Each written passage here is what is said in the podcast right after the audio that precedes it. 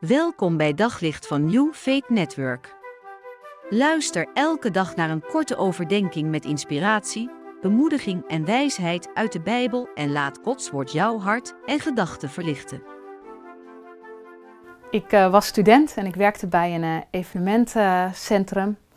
En op een gegeven moment zou er een enorm feest uh, gegeven worden. De koningin zou ook komen, die heb ik nooit gezien overigens. En ehm, we werkten ontzettend hard, want ontzettend veel mensen moesten dineren. En uh, ik werkte als serveerster en voor de schermen waren wij uh, de lachende serveersters die overal alles uh, bedienden. En achter de schermen werden we genadeloos opgejaagd door de managers. Het moet sneller, het moet harder, het moet beter. Alles moest perfect gaan. En op een gegeven moment kreeg ik de opdracht om een hele grote kar met wijnglazen van de bovenste verdieping naar de onderste verdieping te brengen. En die kar die was zwaar. En uh, toen de lift op een gegeven moment uh, open ging, dacht ik, ik moet echt een goede duw geven, want anders krijg ik die kar er nooit uit. En ik gaf hem een duw en de hele kar sloeg om, zo de hal in. Al die wijnglazen over de hele vloer, tussen de lift, in de lift.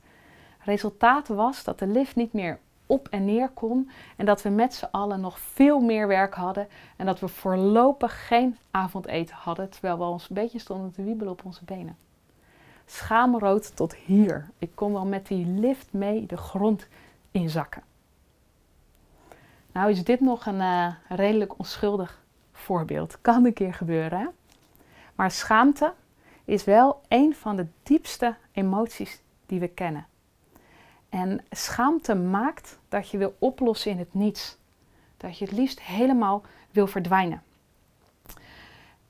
En uh, de meest primaire uh, reactie die we dan hebben is onszelf terugtrekken. Het vooral aan niemand vertellen waar we ons zo voor schamen. En dan staat er in 1 Johannes 1, vers 8 en 9 het volgende. Als we zeggen dat we de zonde niet kennen, misleiden we onszelf en is de waarheid niet in ons. Beleiden we onze zonde, dan zal Hij, die trouw en rechtvaardig is, ons onze zonde vergeven en ons reinigen van alle kwaad.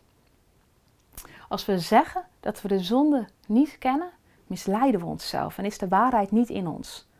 We schamen ons allemaal wel eens ergens voor. Uh, dingen die uh, per ongeluk gegaan zijn, maar ook dingen die we um, op, ja, eigenlijk uh, gewoon bewust verkeerd hebben gedaan. Zonde. En we kunnen dan heel erg hard hopen dat het er niet is. Of heel erg hard doen alsof het er niet is. Maar we houden ons voor de gek, zegt de tekst. En de waarheid is niet in ons. Laten we ophouden, zegt de tekst, met verstoppen. En doen alsof het er niet is. In plaats daarvan, biecht het eerlijk op. Biecht het eerlijk op naar God. En als het even kan, ook naar iemand anders. Dat kan zo ontzettend opluchten.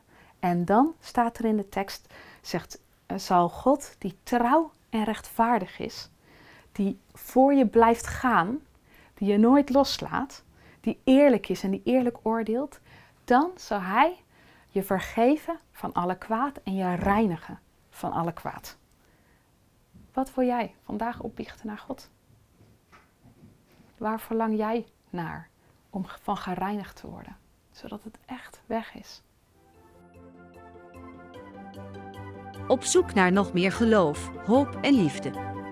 Op New Faith Network vind je honderden christelijke films, series en programma's. Nog geen lid? Probeer het 14 dagen gratis op newfaithnetwork.nl.